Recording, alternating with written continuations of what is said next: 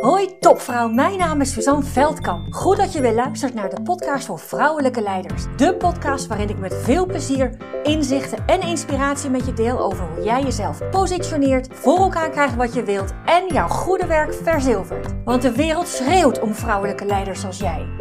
Ontdek hoe je tot in je tenen voelt wat voor een geweldige vrouw je bent. Hoe je op alle vlakken van je leven regie pakt. En natuurlijk hoe je dat allemaal positioneert zodat je jouw goede werk verzilvert. Inspireer anderen met jouw vrouwelijk leiderschap voor een gelijkwaardige wereld.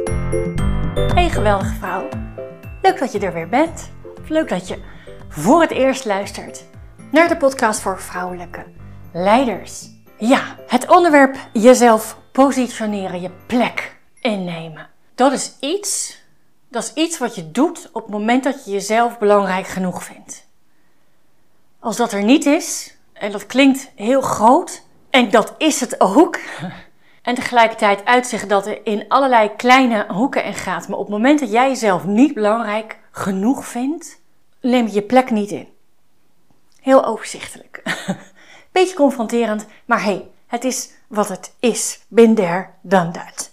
Nu is het je vast wel bekend dat op het moment dat je gewoon lekker veel van jezelf houdt, dat het een stuk gemakkelijker is om jezelf belangrijk genoeg te vinden om voor jezelf op te komen, om je grenzen aan te geven, om je plek in te nemen, om regie te nemen. Nou, bla bla bla bla bla.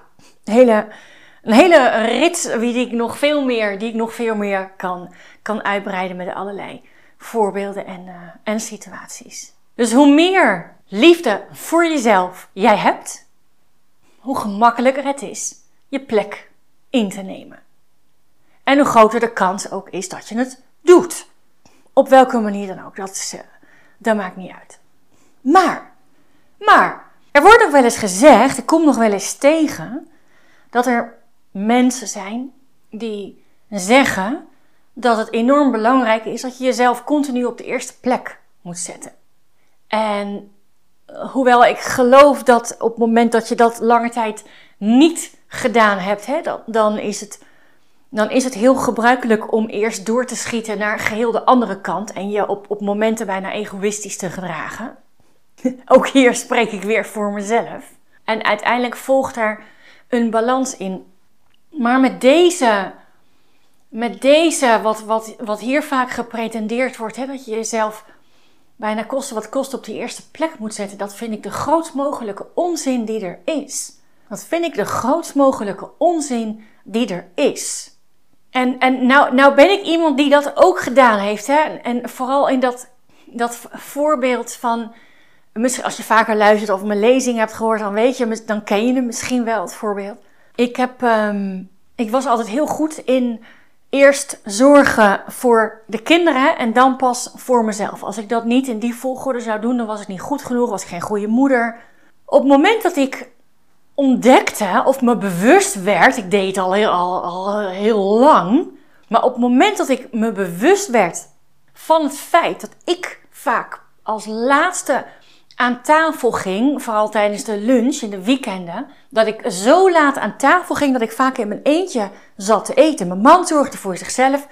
Ik zorgde eerst voor het eten voor de kinderen. Zij begonnen al met eten. En tegen die tijd dat ik mijn bevoren boterhammen met kaas en mijn kopje thee had ge klaargemaakt, ging ik aan tafel en waren zij al zo goed als klaar.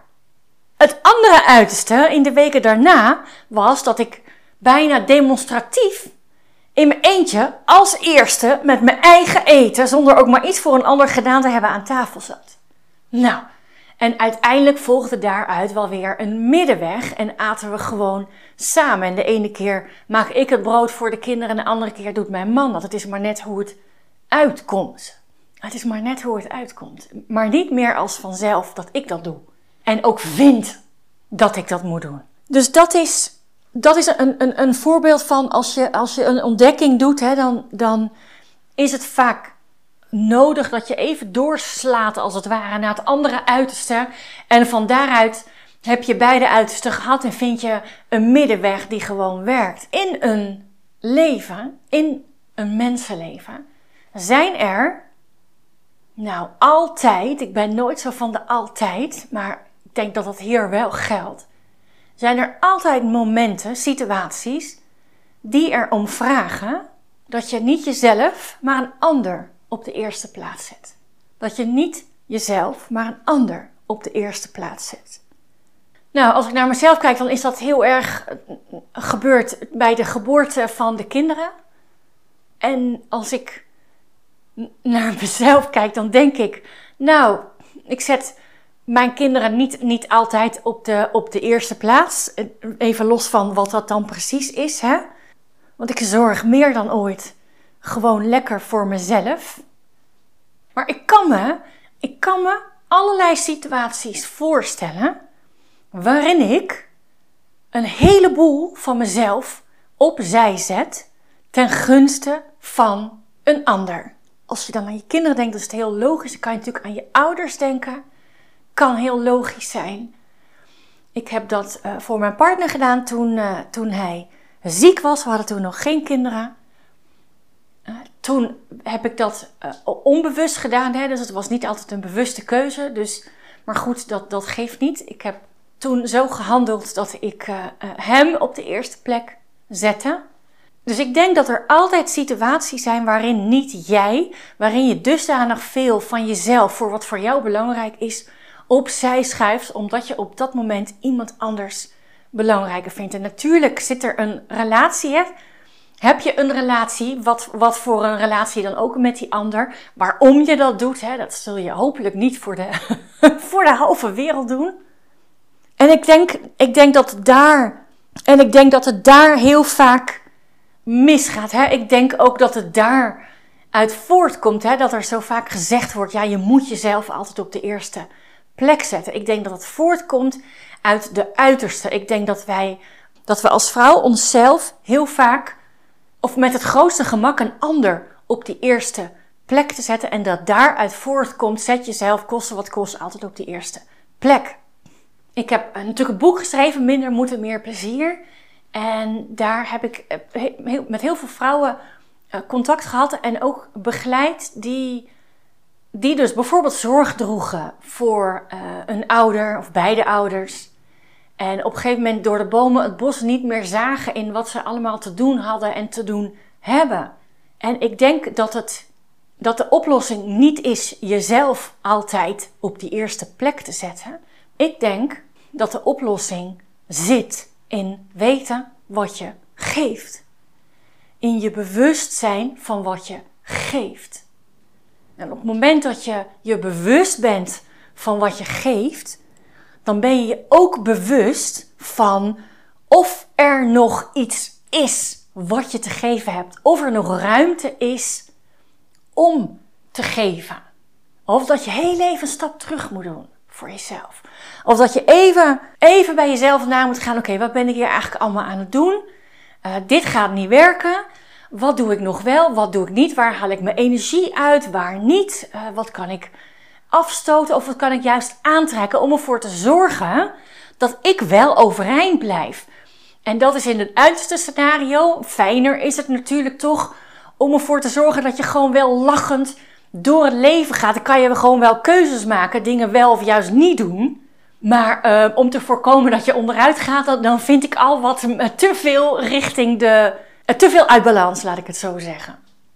Jezelf kosten wat kost op de eerste plek zetten. Ik begrijp waar die vandaan komt. Ik begrijp waar die vandaan komt en ik begrijp dat die ook heel erg nodig kan zijn als je met het grootste gemak geeft aan anderen. En een stuk moeilijker ontvangt voor jezelf. En tegelijkertijd vind ik het de grootste onzin.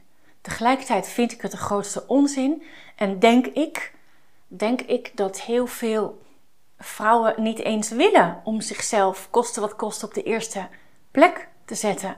Omdat er ook gewoon heel veel verbinding, energie, waarde gehaald wordt in het er zijn voor anderen, in welke situatie dan ook. Op het moment dat je dat herkent en daar waarde aan hecht, dat belangrijk vindt en ook doet met plezier, dan is één ding gewoon enorm belangrijk. En dat is weten wat je geeft.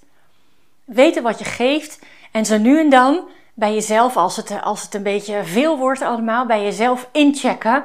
Oké, wat ben ik aan het doen? Hoeveel geef ik? Hoeveel neem ik? Hoeveel ontvang ik? Is dat in balans? De, slaat de balans door naar de ander? Trek ik dat nog? Of mag ik, uh, of mag ik actie ondernemen voor mezelf? Op het moment dat je je daar bewust van bent, wordt, dan is er, dan is er helemaal niets aan de hand. Dan, dan ben je, hoef je ook helemaal niet bezig te zijn met jezelf kosten wat kost op die eerste plek te zetten. Dat is onzin. Het is onzin. Want op, op het moment dat jij je, je energiehuishouding in de picture hebt en ervoor zorgt dat er, nou ja, niet alleen uh, uitgaat, maar ook, uh, ook binnenkomt als je in de financiële sector werkt, dan zou het allemaal ook niet zo ingewikkeld hoeven te zijn. Want volgens mij ben je daar uh, op heel veel manieren mee bezig. Dat er ervoor zorgen dat, je, dat er niet meer uitgaat dan er inkomt, dan er binnenkomt. Dat is wat het is. Meer is het niet. En de, de belangrijkste vraag die je dan jezelf te stellen hebt is: weet ik wat ik geef? Weet ik wat ik geef? En dat je ook bewust geeft. Bewust geeft. En dus niet als, als vanzelfsprekend aan Jan en Alleman en, en iedereen en jezelf daarbij vergeet.